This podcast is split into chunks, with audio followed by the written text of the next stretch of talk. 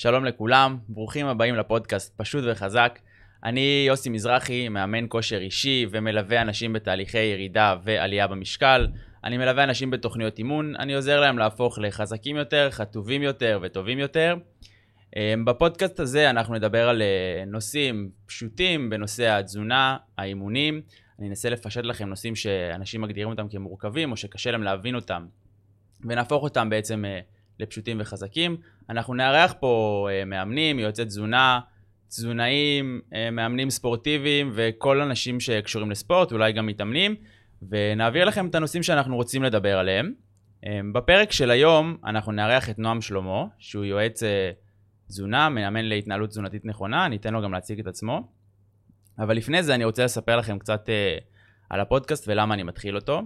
אז uh, בתור השאיפה שלי להיות uh, מאמן, מאמן כושר ולהוביל אנשים לתוצאות, יש את האלמנט של להעביר uh, את הידע ל- לכמה שיותר אנשים, ובאימון אישי אני יכול להעביר את זה לבן אדם אחד כל פעם. וקצת קשה לדבר על הנושא הזה שוב ושוב ושוב, אז החלטתי שאני רוצה להקליט פודקאסט ולדבר עם אנשים שאני מאמין בדעה שלהם, ולספר לכם על כל הנושאים שמעניינים אתכם, שמעניינים אותי, שהייתי רוצה שתדעו שאני מעביר לכם באחד על אחד, וזאת דרך שלי להעביר את זה להרבה יותר אנשים. אז uh, טוב, נועם, בוא נתחיל, תספר על עצמך, תספר לנו מי אתה ומה אתה עושה קצת יותר בהרחבה, ונתחיל לדבר. שלום לכולם, אז כמו שיוסי אמר, אני נועם שלמה, נעים מאוד. Uh, אני שמח ככה להתארח אצלך יוסי, תודה רבה שהזמנת אותי קודם כל. אנחנו, אה, אני אדבר, אציג קצת את עצמי, היום אה, אני באמת, כמו שאמרת, מאמן, יש לי עסק של אה, ייעוץ וליווי תזונתי, אני בעצם מלווה מתאמנים בעיקר לירידה במשקל, שינוי של הרגלים, בנייה של סדר יום שבאמת מותאם באופן אישי כדי שנגרום להם לעבור ממצב של כן דיאטה, לא דיאטה, למצב שהם באמת יודעים איך לסגל לעצמם שגרה שהיא של עצמם, שגרה שהיא יודעת שהם יודעים איך להתנהל גם ברגעים שהם עובדים, מחוץ לעבודה, בקורונה, בחגים וכולי, והמטרה היא בסופו של דבר לגרום לכמה שיותר אנשים לחיות באיזשהו אורח חיים בריא. אמ, זה קודם כל מה שכרגע אני עושה. אני לפני שנתיים פתחתי את העסק, כל החיים התעסקתי בכל התחום של אורח חיים בריא, תזונה, ספורט, גם בתור מאמן כדורסל, אה, גם בתור שחקן כדורסל. אה, היום אני עושה בעיקר את מה שאני אוהב לעשות, זאת אומרת בעיקר הנושא של הכושר והתזונה. זה הדבר שאני כרגע אה, מתמקצע בו ועושה אותו בעיקר ביום שלי, ובנוסף גם הכדורסל, אני גם מאמן וגם שחקן, אה, גם היום. אה, בנוסף לזה, אני שותף בארגון שנקרא פיטקי, זאת אומרת, בין אם זה, זה ארגון שעוזר לאנשים בעיקר גם לרדת במשקל, אה, המטרה שלנו בעיקר לעזור לאנשים לצאת מהמעגל הדיאטות, ו... זהו, בוא נתחיל ככה, אני... יופי, טוב, אתה רוצה להרחיק קצת על נושא הכדורסל, מאמן, את מי אתה מאמן, מה אתה מאמן, איפה שיחקת? יאללה, בכיף. אה, קודם כל, אני כרגע משחק בפרדסיה, ליגה א', אה, משחק כזה בין, בין חובבני מקצועני, סתם אה, כזה מנסה לעשות את מה שאני יכול בהתאם לחיים היום של, ה, של העסק והדברים שאני רוצה מעבר. אה, ולא רק כדורסל, ואני גם מאמן שזה חלק מהחיים שלי, זאת אומרת כל החיים עסקתי בעיקר בכדורסל, אה, עד הצבא, עד שהתגייסתי וגם כשהתגייסתי, אתה יודע, עדיין ממשיך להיות פעיל, וכדורסל זה איזשהו מקום החיים שלי, ולאחר מכן, זאת אומרת אחרי הצבא, אה, חזרתי גם לשחק, ואז עשיתי קורס מדריכי כדורסל, התחלתי לאמן ילדים קטנים, בית ספר לכדורסל, ואחר כך, עכשיו אני כבר מאמן נערים. אה, כיתות ט'. מה שמדהים פה זה בעצם שכולנו, אה, כל הזמן, מה שדחף אותי לשם, זאת אומרת, גם לעניין של התזונה, וזה מתחבר לנערים, זאת אומרת שאני, גם בתור ילד, לא היה לי איזה שהם הרגלי תזונה נכונים, לא למדתי אה, מה זה בעצם חלבון אפילו, לא ידעתי, זאת אומרת, לא היה לי מושג בכלום, ואף אחד גם לא בא והדריך ולימד אותנו, בתור שחקנים, שזה די מוזר ואבסורד, אז זה גם משהו שדחף אותי להגיע לשם. אה, ולעסוק בתחום. אה, אין ספק שזה משהו שהוא חייב להיות. העניין התזונה ועניין הספורט ועניין הכושר, הם חייבים לבוא ביחד, ואם אתה מתאמן, הייתי מתאמן כל, הש... כל החיים, זאת אומרת, רץ, פעילות, אה, בין אם זה כל יום שלוש-ארבע שעות במגרש, ובין אם זה בחדר כושר כל יום שעתיים במכון, ודברים לא זזים אם אין את הנושא הזה של התזונה. אז זה בא ביחד. וזהו, פחות או יותר, זה, זה החיבור שבעצם אני הבאתי מעצמי, גם מהספורט וגם מה... יופי, כי אני שואל אותך את זה בדיוק בגלל הנקודה הזאת, להבין איך אה, אנשים מתחברים לתחום הזה של הכושר והספורט והתזונה, וזה ממש לא משנה מאיפה הם התחילו. אתה התחלת מכדורסל, אני התחלתי מחדר כושר, אנשים, אני מכיר אנשים שהתחילו משחייה, מכדורגל, מטניס, לא משנה מאיפה, היו, רק רצו לרדת במשקל, רצו לעלות, כל אחד מהמקום שלו, ובסופו של דבר, הכל מתאגד לבסוף, לאותם מקומות, זאת אומרת, זה מתאגד למה אנחנו אוכלים, מה אנחנו עושים נכון. לגוף, מה אנחנו מתאמנים, איך אנחנו עושים, זה לא משנה ברמת הגדול, הגדולה, בסופו של דבר, בדיוק מה נכנס לנו לגוף, או בדיוק איזה ספורט אנחנו עושים, אבל נכון. הכל מתאגד לתוך הדבר הגדול הזה שנקרא בריאות וכושר ותזונה, וזה נכון. זה, זה כיף לראות איך אתה הגעת מכדורסל ואני מחדר כושר, ואתה יודע, כל אחד מאיפה שהוא מגיע, ובסופו של דבר... זה חוזר לאותה נקודה. חזרתי לזה גם כי אתה, אני יודע שאתה מאמן אה, נערים וילדים, וזה תחום שאני מאוד מתחבר אליו, עבודה עם בני נוער, ולסגל להם את ההרגלים הספורטיביים, הרגלים להצלחה, הרגלים לתזונה, כבר מהגיל הזה. ואני מאמין שעם הידע שלך, אתה תוכל להעביר להם את זה גם.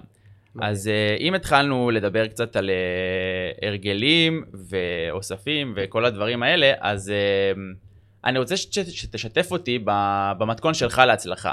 מה לדעתך עוזר לאנשים להגיע להצלחה הכי טובה בתהליכים שלהם? אני חושב שזה קודם כל עניין של איזון. אוקיי, מה זאת אומרת איזון? איזון זה אומר שאני עכשיו uh, החלטתי לצאת לדרך ולהתחיל לעשות איזה שהם אימונים בשביל להגיע, ל- לרדת במשקל או לעלות בעשת שריר או, או להיות שחקן כדורסל. עכשיו, ברגע שאין לנו איזון בין החיים שלנו לבין ה- ה- הרצון להצליח, זאת אומרת, אני מתאמן יותר מדי ממה שאני צריך, או אוכל בצורה שהיא מוגזמת אה, נכונה, ואומר לעצמי, זהו, אני לא יוצא עם חברים עכשיו, או לא, אה, לא אוכל עם, עם המשפחה, או בעצם מאוד מאוד מקפיד עם עצמי, ומאוד מאוד פדנט עם עצמי, אז זה מביא אותנו לצד בדיוק הפוך ממה שרצינו לעשות. זאת אומרת, יכול להיות שתקופה מסוימת נצליח להחזיק מעמד, אבל באיזשהו שלב אנחנו ניפול, כי זה לא משהו שיהיה באמת נוח לנו וטוב לנו, ומאזן אותנו, משהו שאנחנו נרצה להתמיד בו. אוקיי, okay, אבל עכשיו... אתה לא חושב שכשאנשים רוצים להשיג מטרה מסוימת, הם צריכים ללכת פול פאוור, כל עם הראש בקיר, כל, ה... כל הדבר הזה, רק כדי להגיע למטרה כמה שיותר מהר? קודם כל כן, אני חושב מצד אחד שזה ממש ממש נכון, זאת אומרת, גם אני דוחף את, המת... את הילדים שלי או את המתאמנים שלי בליווי התזונתי, לעשות הכל כדי שהם יצליחו באמת, אוקיי? עכשיו לפני כן, אבל יש איזשהו עניין של... אה, אם אני אעשה את זה בצורה שהיא אה, אגרסיבית מדי, אז קודם כל אני לא ארצה להמשיך, כי אולי זה לא, אולי מאוד מאוד בא לי להגיע למטרה, אבל זה לא באמת מה שרציתי להשיג בדרך, זאת אומרת לא נהניתי מה, ממה שאני עושה ואני סבלתי ממה שאני עושה, אז אני לא ארצה להמשיך אותו. אם עכשיו, אה, זה כמו שתבוא ל, לילד ותגיד לו, אל תאכל מהפיצה הזאת ואתה לא יכול לצאת עם חברים או דברים כאלה שהם מאוד מאוד קיצוניים בתור הורה, ואז הילד הזה אה, מקבל איזושהי הוויה, אז איזשהו הסבר בעצמו במוח שלו שהוא אומר טוב אם זה מה שצריך לקרות אז זה כמו ילד שלא שומר, שומר שבת כל החיים ואומרים לו תשמור תשמור תשמור בסוף הוא מגיע לגיל 18 אומר זה לא מעניין אותי אני יצא, יצאתי מזה לגמרי וזה משהו שהוא קיצוני. כי הוא לא הבין את הסיבה? גם כי הוא לא הבין את הסיבה וגם מהגורם, מה, יכול להיות שכן זה גם עניין של לא להבין את הסיבה בצורה מסוימת את הלמה אנחנו עושים את הדברים שזה גם משהו שאני מאוד מאוד שם עליו דגש. אם אנחנו לא נדע למה אנחנו עושים דברים, אז יהיה לנו מאוד מאוד קשה להתמיד בהם. אבל גם, גם העניין הזה של הקיצוניות, ברגע שאנחנו מאוד מאוד קיצוניים עם עצמנו, אז הרבה פעמים זה מושך אותנו אחורה. וזה לא מאפשר לנו ליהנות מהדרך, ואז אנחנו סובלים ולא רוצים להמשיך הלאה, זאת אומרת. אוקיי, זה, זה אני, אני רוצה שנחזור רגע לדוגמה שנתת עם הילד והפיצה, ואני רוצה להסביר את זה טיפה יותר לעומק. אם אנחנו לוקחים את הפיצה ואנחנו אומרים לילד, אל תאכל פיצה, ואנחנו מקטלגים את זה כמשמין. אני נורא שונא את המילה הזאת, משמין, ובהתאם, בהמשך למה שאנחנו הולכים לדבר בפרק הזה, שאנחנו נדבר על עוד כל מיני מיתוסים בתזונה ואימונים, על לתייג אוכל כמשמין או כרע. וכשאנחנו אומרים לילד בן, נגיד ניקח את הילדים בין 13-14 ואנחנו אומרים שפיצה זה משמין. ואנחנו אומרים לילד, אם אתה רוצה לרדת במשקל, אל תאכל פיצה. ואז אנחנו עושים לו איזה קישור או אסוציאציה בראש ובמוח שהוא רואה פיצה והוא חושב על זה כמשהו רע. נכון. ואז הוא אומר, אה, חברים מזמינים פיצה, ואז הוא חושב לעצמו בראש, לא, לא, רגע, פיצה זה משמין. ואני רוצה שתחשבו רגע, מי שמקשיב, אם, אם המחשבה הזאת עברה לכם גם בראש מתישהו. שמישהו אמר לכם על איזשהו אוכל, ואז אמרתם בראש, לא, לא, האוכל הזה משמין, אני לא יכול לאכול את זה, אני רוצה לרדת במשקל, או האוכל הזה לא טוב לי, זה אוכל שהוא אה, אסור, או פיצה, או צ'יפס, או המבורגר, או כל דבר כזה אחר אה, שאתם אוהבים, ומישהו פעם אמר לכם שזה רע או זה לא נכון. אז אני רוצה שנחזור לנקודה הזאת, ולמה ההרגלים והאיזון זה בעצם חשוב, כי כשאנחנו מקטלגים מאכלים כאלה ואחרים בנקודה הזאת, אנחנו בעצם, אנחנו לא מבינים את הסיבה למה אנשים בכלל רוצים להגיד שהאוכל הזה רע, ובוא נגיד, אה, נועם, בוא נתחיל לדבר על זה, שזה יהיה המיתוס הראשון שנדבר עליו, ו... מהמם. והאם יש מאכלים שהם משמינים באמת? אם זה קיים, יש אוכל שכאוכל הוא משמין? אני רוצה לשמוע קצת את אה, דעתך בנושא הזה. זה העניין. זאת אומרת, בדיוק מה שאמרת, צריך לדעת ולהבין למה אנחנו עושים כל מיני דברים, ולמה אנחנו, אם אני עכשיו לא אוכל את הפיצה, למה אני לא רוצה לאכול את הפיצה, ומה זה ייתן לי ומה זה לא ייתן לי. זאת אומרת, יש איזה אה, איזון בין הדברים, מה, מה, מה אני אקבל מזה, אוקיי? בסופו של דבר. ובנושא של ההשמנה, כל מאכל שאנחנו אוכלים יש לו איזושהי כמות קלוריות מסוימת. והכמות קלוריות הזאת נכנסת לגוף, אבל במהלך היום אנחנו עושים, מוציאים אנרגיה, זאת אומרת יש לנו הוצאה אנרגטית, זאת אומרת זה לא משהו שרק נכנס, אלא הגוף גם מוציא את הקלוריות האלה, קלוריות זה אנרגיה כמובן. וברגע שאנחנו אוכלים מאכל מסוים, אמ, לדוגמה פיצה, אלף קלוריות פיצה, אוקיי? אוקיי. ובאותו יום הוצאנו 1200 קלוריות בפעילות הגופנית, ביום יום שלנו סתם מזה שאנחנו חיים. אז לא השמנתי, זאת אומרת אני נמצא באיזשהו מאזן קלורי, אני נמצא במצב שהגוף שלי מוציא יותר אנרגיה ממה שהוא מכניס. ואנחנו יודעים היום שאם אנחנו מוציאים יותר ממה שאנחנו מכניסים, מבחינה אנרגטית, אז אנחנו, מבחינת המשקל גוף, הוא ירד, אוקיי? עכשיו, זה מה שזה אומר, זאת אומרת שאין מאכל שהוא משמין, זאת אומרת אם אכלתי עכשיו ארוחה עתירה בקלות, אכלתי ארוחת חג, אמ, הלכתי עם חברים, עם משפחה, שתיתי מלא אלכוהול, לא משנה מה, זה לא אומר שהשמנתי, זה אומר שהכנסתי כמות גדולה של קלוריות. אוקיי. אני, אני, כשאני מסביר את הנושא הזה, אני אוהב לדמות את אה, עניין, דיברת פה על אה, אנרגיה וקלוריות, ולא בטוח שכולם אה, מבינים את זה, אז אני רוצה שנדבר על זה קצת בפשטות, וכשאני מסביר את זה, אני אוהב להשתמש בחשבון בנק, להתייחס לגוף שלנו כמו חשבון בנק. לגמרי. ואז בוא ניקח ארוחה פיצה, ואמרנו שיש בה הרבה קלות, אז בוא ניקח אותה, נעשה לה השוואה למשכורת שהיא פי שלוש מהמשכורת הרגילה שלכם. אם בארוחה רגילה אתם אוכלים לדוגמה 300 קלוריות, ובמשכורת החודשית שלכם אתם מקבלים 8,000 שקל, אז היום אכלתם פיצה, וכשאני אומר אכלתם פיצה, אז בוא נגיד שבסוף החודש קיבלתם משכורת פי שלוש, קיבלתם 20 אלף שקל במשכורת, אוקיי? האם זה אומר שמשכורת אחת תעשה אתכם עשירים? קיבלתם 20 אלף במקום 8,000, האם תהיו עשירים? ואני משווה את העשירים כרגע לשמנים. אמ, ואז האם תהיו עשירים? ואז אם אני אגיד לכם שבאותו חודש שקיבלתם 20 אלף, אה, האוטו שלכם נכנס למוסך, וזה עלה לכם 5,000 שקל, והייתם צריכים לשלם גם את הביטוח על האוטו, עוד 3,000 שקל, וקניתם בגדים לחתונה, וזה עלה לכם 1,500 שקל, ושמתם גם מתנה, עוד 1,000 שקל, כי אתם נדיבים, כי קיבלתם משכורת 20,000, ו...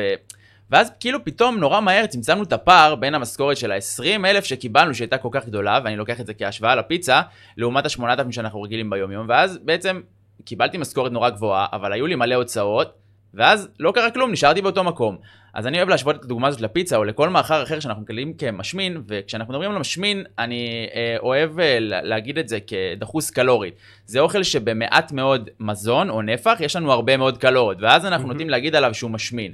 אז זה בדיוק אותה השוואה, זאת אומרת, אתם יכולים לאכול מאכלים שיש בהם הרבה קלוריות באופן, אה, לא כל יום כל היום, אבל אפשר לשלב אותם בתוך התהליך, ואז בעצם תוך כדי גם לרדת במשקל.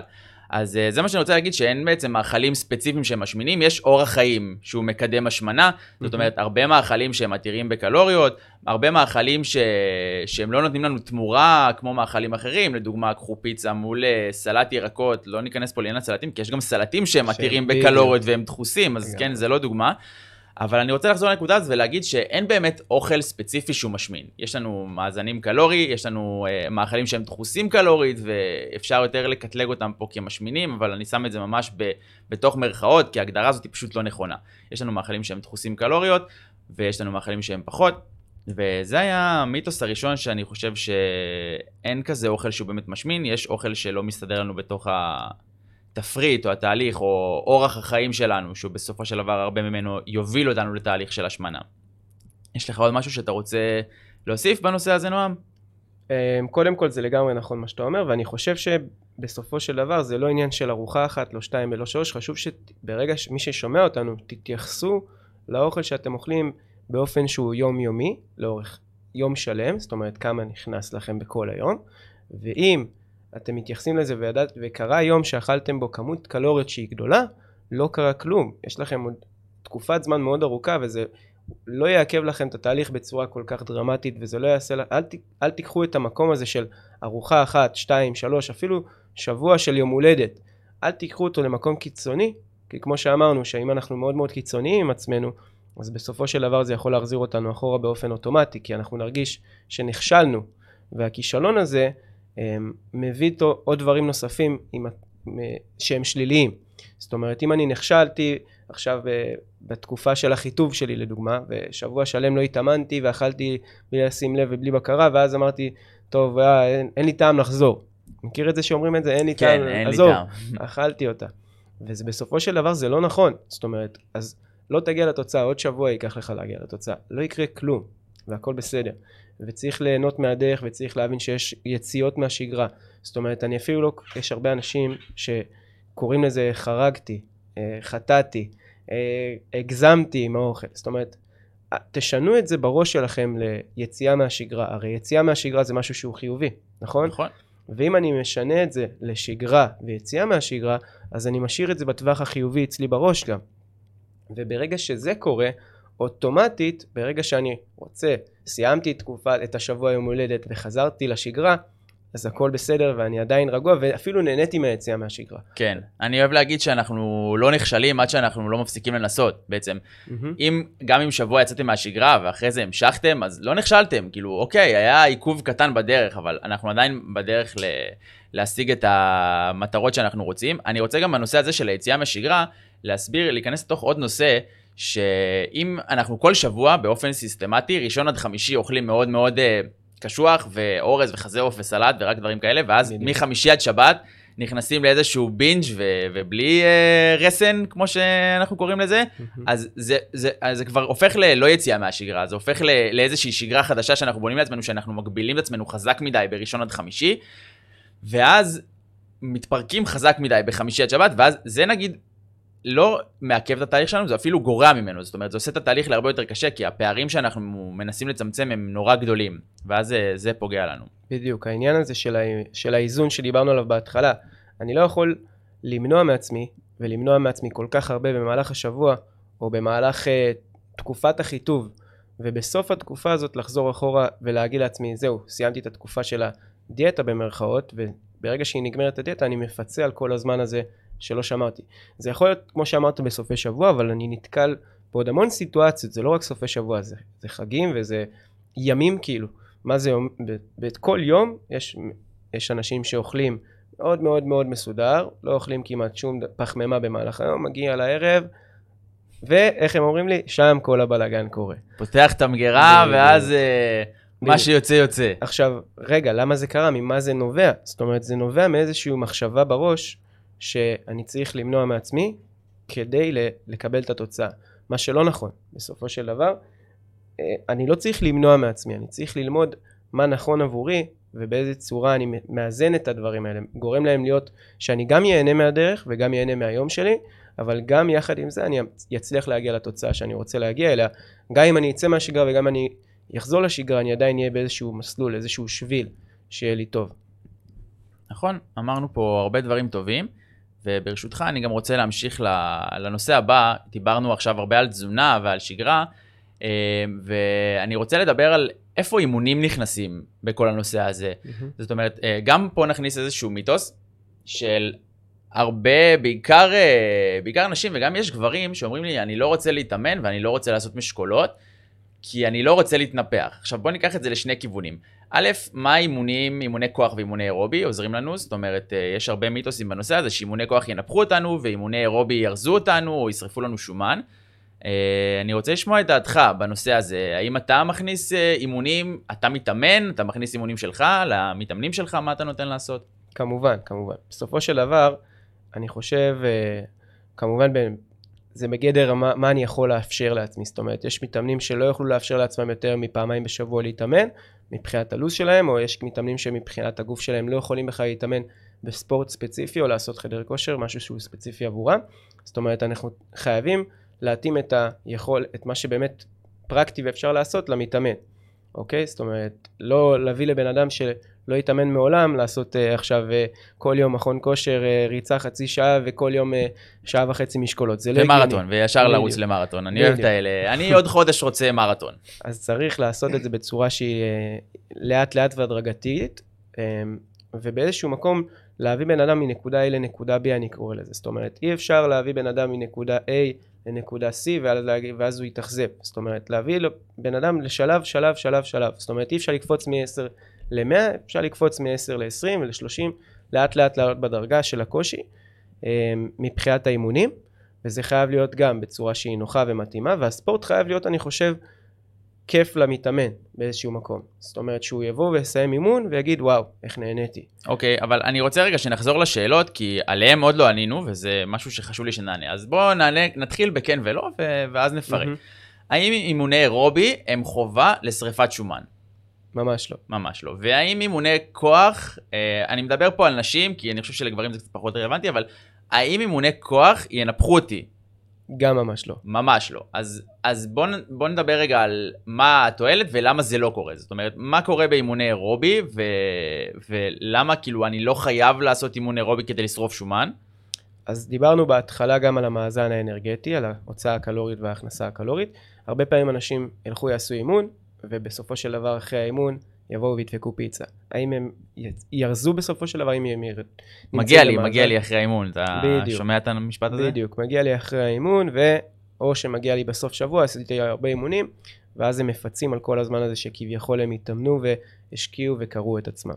ואז הם מגיעים למצב שהם לא מצליחים לשרוף שומן, כמו כן. שאומרים. ורגע, ובתהליך של, ה, של הריצה והאירובי בעצם, אנחנו כן שורפים שומן או לא שורפים שומן? כאילו, מה קורה? נגיד, אם אני רץ עכשיו חצי שעה, או אם אני הולך, מה, מה קורה?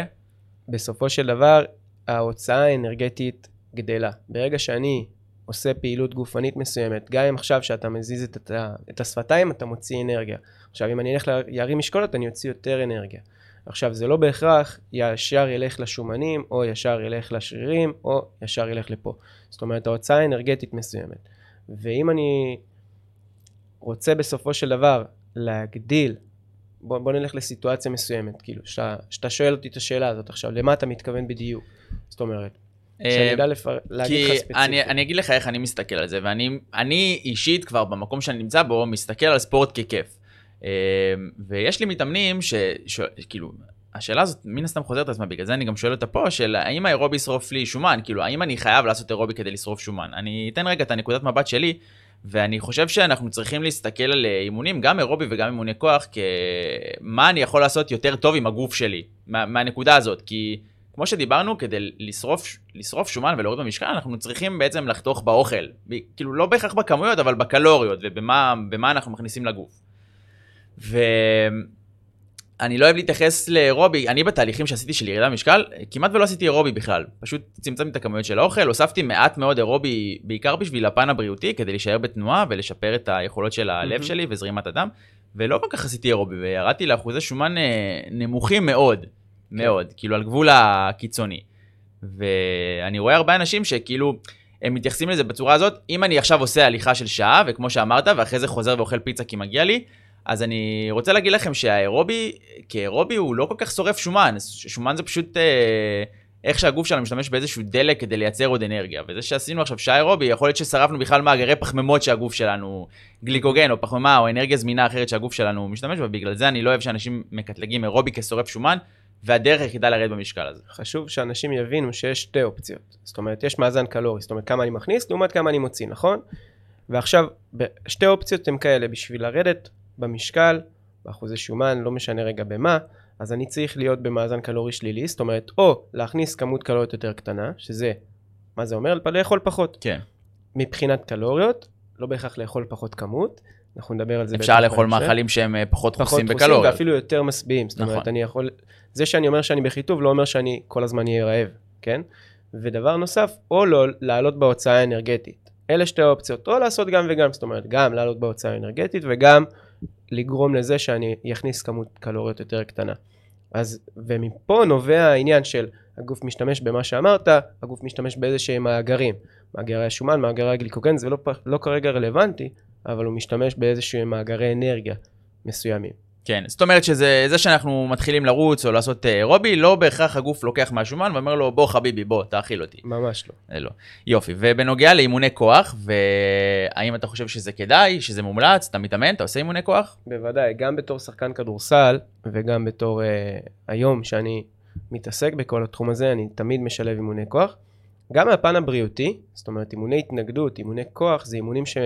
עוזרים מבחינה בריאותית לגוף שלנו להיות הרבה יותר בריא, הרבה יותר עמיד, מפציעות, מכאבי גב, מכאבי, לא יודע, הכל. כל דבר שאתם חושבים עליו, ברגע שאתם תעשו איזה שהם אימוני התנגדות, אפילו פעם, פעמיים בשבוע, לא משהו שהוא עצים מאוד, עדיין אתם תרגישו שיפור מבחינה בריאותית בכל מיני אופנים, בין אם זה, כמו שאמרת, גם הלחץ דם והדברים האלה, וגם מבחינת ה...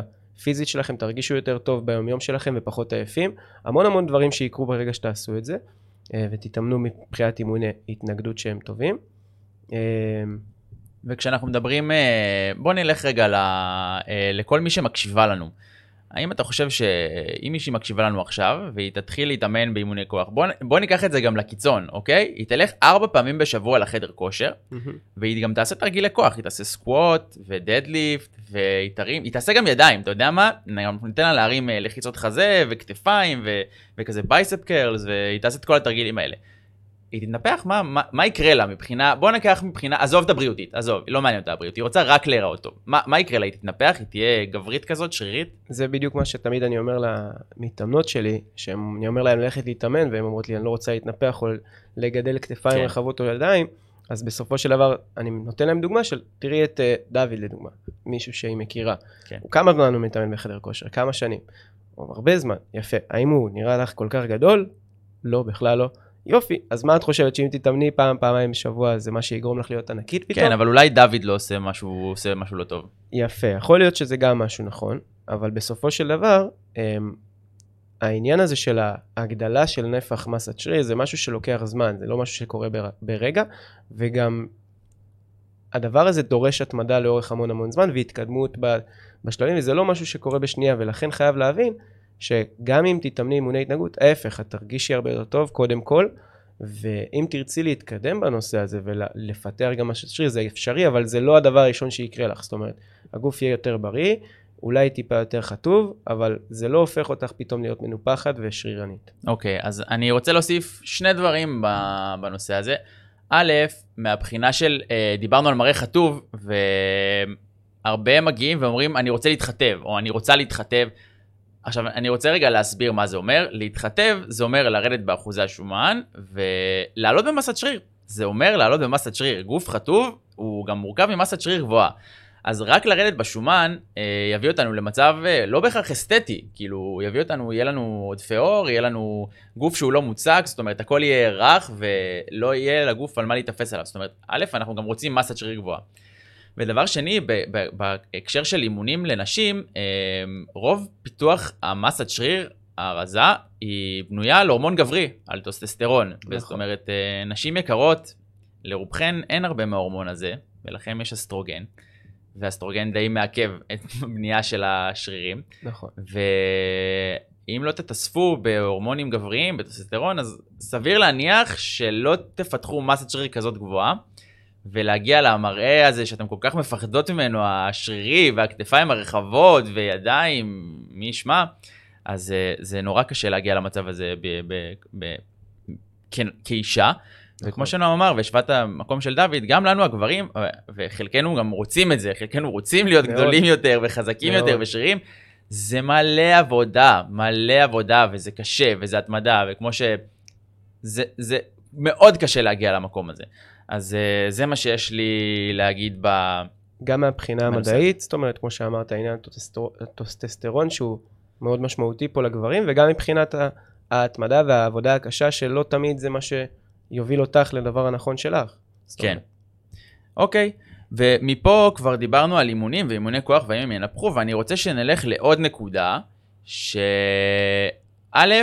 האם שריר, כאילו אם התאמנו נגיד ועכשיו הפסקתי ללכת לחדר כושר, האם כל השריר שפיתחתי יהפוך בסופו של דבר לשומן? כי אם כן, אז uh, הרבה אנשים אומרים לי, אני מעדיף לא להתאמן כדי לא להיות שרירי, כדי שאחרי זה השריר הזה לא יהפוך לשומן, וחס וחלילה, אני לא יודע, יקרה דבר כזה או אחר. והשאלה השנייה שאני רוצה שנדבר עליה, זה אם אני הולך להתאמן נגיד, ואני עושה הרבה בטן, האם זה יעזור לי להוריד את השומן הבטני מהאזור של הבטן? זה שתי שאלות שאני רוצה שנתעסק בהן רגע.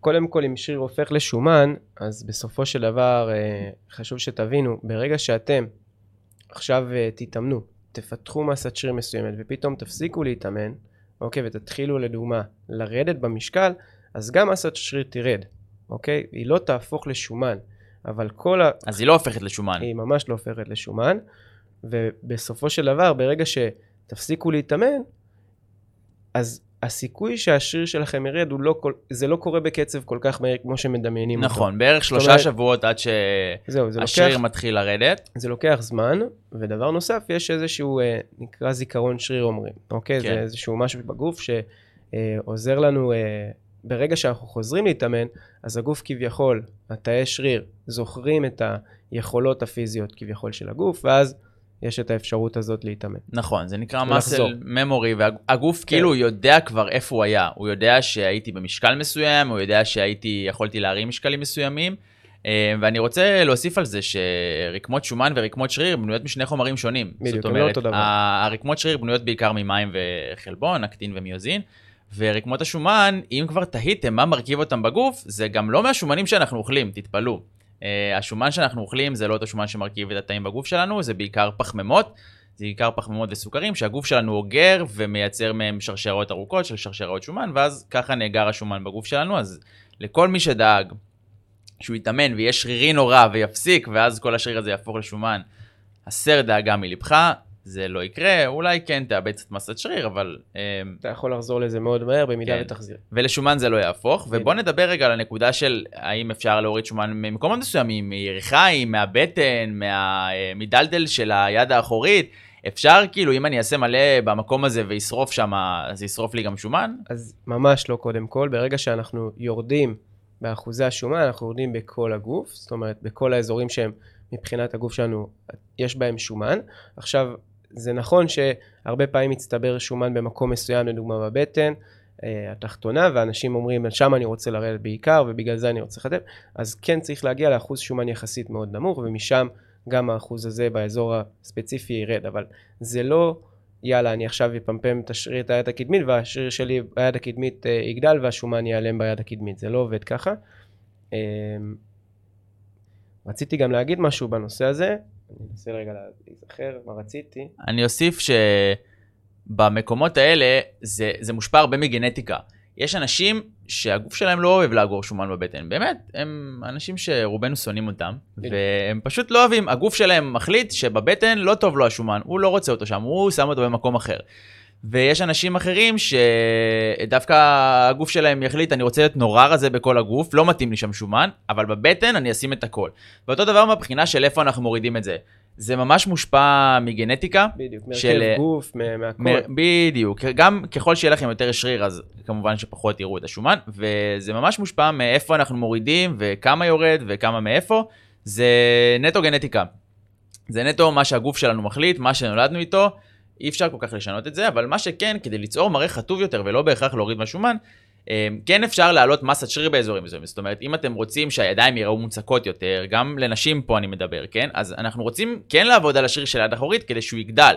כדי שהוא יהיה אה, מוצק יותר וחטוב יותר וגדול יותר והוא יתפוס יותר נפח ואז הוא, הוא ימצק את האזור הזה, בעצם זה לא נזל, אז היד פשוט תראה מוצקה יותר, זה, זה, זה הכל וזה מה שאנחנו רוצים להשיג. בדיוק, אנחנו יכולים להגדיל את המסת שריר באותו אזור שאנחנו רוצים לרדת בו אחוז שומן מסוים, ואז זה ייראה יותר טוב מבחינת המראה, אוקיי?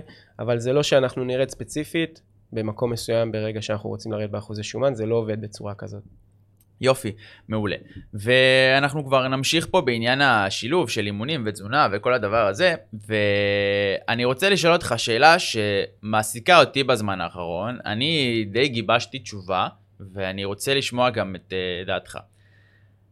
האם אנחנו צריכים ללכת הכי חזק באימונים שלנו, אנחנו צריכים שכל אימון לעשות אותו עד שהכל ישרוף והגוף יכאב, ואם אני עושה אירובי זה כאילו אני חייב להזיע מלא כדי שזה יהיה אפקטיבי. יש הרבה אנשים שבגישה שלהם של האימונים זה כאילו מבחינתם נגיד לצאת לאימון של חצי שעה הליכה זה לא טוב כי, כי אני לא זה מזיע. לא מספיק, בדיוק. או יצאתי מהחדר כושר ולא היה לי זמן ולא שרף לי השרירים או לא שרף לי הטוסיק, אז, אה, אז האימון לא היה אפקטיבי ולא היה יעיל. מה, מה, מה אתה חושב על זה? בוא נגיד לך, אני, מה, מהמקום שלי בנושא הזה, תמיד, תמיד שאפתי לעשות כל אימון שלי בצורה הכי טובה שאני יכול לעשות, בתור אה, נער, בתור, אה, אה, היום, גם בתור בוגר. אני תמיד רוצה לשאוף לעשות את האימון הכי טוב שאני יכול לעשות אותו, וברגע שאני מסיים את האימון, אם אני לא תפוס, אני הרגשתי, אני אמרתי לעצמי פעם, אם אני לא תפוס, אז האימון לא היה, היה לא טוב. אוקיי, אבל יש... עכשיו, הסיטואציה הזאת שאתה, זה לא, קודם כל זה לא נכון מה שעשיתי, כי זה לא, אה, בסופו של דבר יש איזשהו מקום מסוים שאתה מגיע אליו, ואז אתה, יכול להיות יום עייף, יכול להיות יום שלא אכלת טוב, מסודר, ובגלל זה האימון לא, לא היה טוב, או שגם אם עשית אימון מסוים, והאימון הזה היה לא הכי טוב שלך, תסיים אותו כמו שצריך, כמה שאתה יכול, תפיק את המיטב מאותו רגע. ברגע שאתה מפיק את המיטב מכל אימון, ולא בצורה שהיא קיצונית, אתה אומר לעצמך, אם לא הגעתי לפעם שרציתי, אז זה לא, לא מספיק טוב מבחינתי, אז עשיתי אימון גרוע. לא, ההפך, תקבל את זה גם שיש אימונים שהם פחות, מקש... פחות אינטנסיביים, וזה בסדר, והגוף עדיין. משתפר ועדיין מתקדם, גם שהאימון לא היה השיא שלך, אוקיי? זה משהו שחשוב להבין. כן, אז אני רוצה גם לחדד את הנקודה הזאת, שיש הבדל בין לבוא ולתת את האימון הכי טוב שלי, לבין אה, שישרוף לי. זאת אומרת, מהמם. אני יכול לבוא, אה, ובאימון שלי היום מתוכנן, אה, לדוגמה, אני אקח מעולם החדר כושר, יודע, בוא ניקח מעולם הריצה, יותר קצת קל להבין את זה. אה, אני החלטתי שהאימון של היום היא ריצה קלה של 4 קילומטר.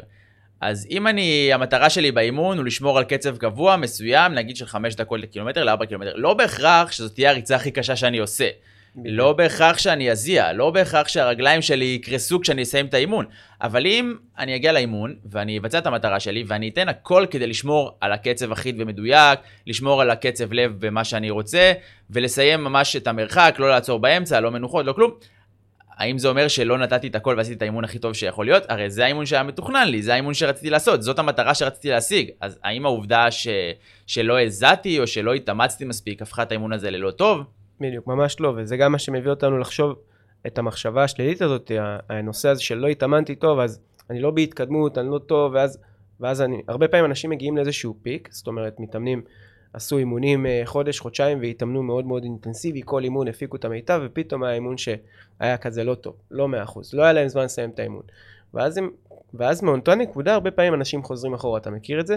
זאת אומרת, אנשים מגיעים לאיזשהו פיק, מגיעים למצב שהאימון לא הכי טוב שהם הרגישו לפני חודש כי הם רק התחילו להתאמן ואז באותו רגע הם בפיק הזה הם אומרים טוב אולי אני לא, לא עושה משהו נכון ואז מתחילים לחשוב איך לשנות ומה לא בסדר ואולי אני לא בסדר ואולי ואז חוזרים אחורה ולא ממשיכים עם ההתמדה הזאת לאורך זמן עכשיו חשוב שתבינו מי ששומע אותנו תעשו אימון וגם אם יש לכם יום שהוא פחות טוב ויותר עייפים ואין לכם כוח לסיים את האימון או לא הצלחתם לסיים את האימון כמו שרציתם תעשו את הכל כמו שתכננתם, גם בעצימות שהיא פחות גבוהה, כדי שתמשיכו בהתקדמות. נכון, העצימות ה- היא מה שעלה פה. האלמנט של ההתמדה, לדעתי, הוא הרבה הרבה יותר חשוב מאשר אם אימון אחד היה יותר טוב או פחות טוב, אבל עצם העובדה שתתאמנו כמה שאתם מחליטים, פעמיים, שלוש או ארבע בשבוע לאורך הרבה זמן, זה בעצם מה שיביא לכם את התוצאה.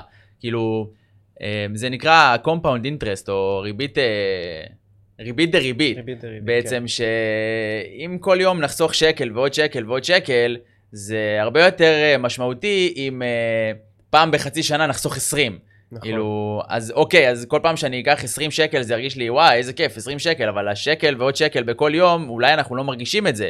אבל בסוף השנה זה מצטבר ל-365 שקלים, ו-20 שקל פעם בחצי שנה ייתנו לנו 40, אז השאלה, בדיוק. מה אתם רוצים להשיג.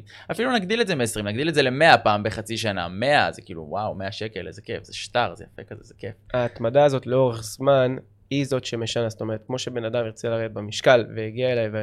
ולפני כן עבר המון המון דיאטות, ובדיאטות האלה, תוך ארבעה חודשים ירד 40 קילו. סתם לדוגמה. כן. אוקיי, והוא מגיע אליי והוא יורד הרבה פחות מבחינת הקצב ירידה. אוקיי, הוא יורד, אבל בקצב יותר מתון. כן.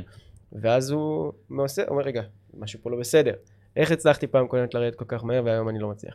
ואז אנחנו כאילו מתחילים להיכנס למ- לאיזשהו אה, מעגל שלילי. עכשיו, עדיף להתמיד לאורך זמן מאשר להיות בעצימות כל כך גבוהה בדברים וברגעים מסוימים. אוקיי. טוב, נועם, אני חושב שדיברנו פה על uh, מספיק נושאים. הייתה לנו שיחה לדעתי מאוד אה, מעניינת, וכל מי שהקשיב uh, יכול לקחת מפה הרבה ידע מכל מה שדובר פה. אני רוצה רגע שנעשה סיכום קצר על הנושאים שדיברנו. דיברנו על הצלחה בתהליך שהיא מורכבת בעיקר מאיזון, מהרגלים נכונים והתמדה. דיברנו על העובדה שאין באמת מאכלים שהם משמינים, אה, לקחנו את זה למקום של אה, מאכלים שהם דחוסים קלורית, שבמעט אוכל יש הרבה קלוריות, ומאכלים שהם פחות דחוסים קלוריות, כמו לדוגמה ירקות, שבהרבה ירק, בהרבה מלפפון, יש מעט קלוריות. דיברנו על העובדה שבעצם ירידה במשקל או עלייה במשקל מונעת מגירעון קלורי לאורך זמן, או ממאזן קלורי לאורך זמן בעצם, ולא מפיקים וארוחות נקודתיות או ימים נקודתיים, ושהתמדה אה, זה מה שמביא אותנו לתהליך. דיברנו על אה, אה, העובדה שאירובי בעצם לא שורף שומן והוא לא כלי חובה לתהליכי ירידה, אבל הוא כן מומלץ. זאת אומרת, אנחנו לא פוסלים את היתרונות של אירובי, נכון. אבל אי אפשר להגיד, אם אני עושה אירובי אז אני שורף שומן או יורד במשקל. אה, המלצנו פה לכל הנשים להתאמן אימוני כוח, כי גם לגברים כמובן, אבל נשים שמפחדות מזה, זה לא ינפח אתכם. אמרנו שאימוני כוח מורכבים אה, מהרבה מאמץ והתמדה, לנשים גם אין את ההורמון שמביא אותם למבנה הגדול והשרירי הזה שאתן מפחדות ממנו.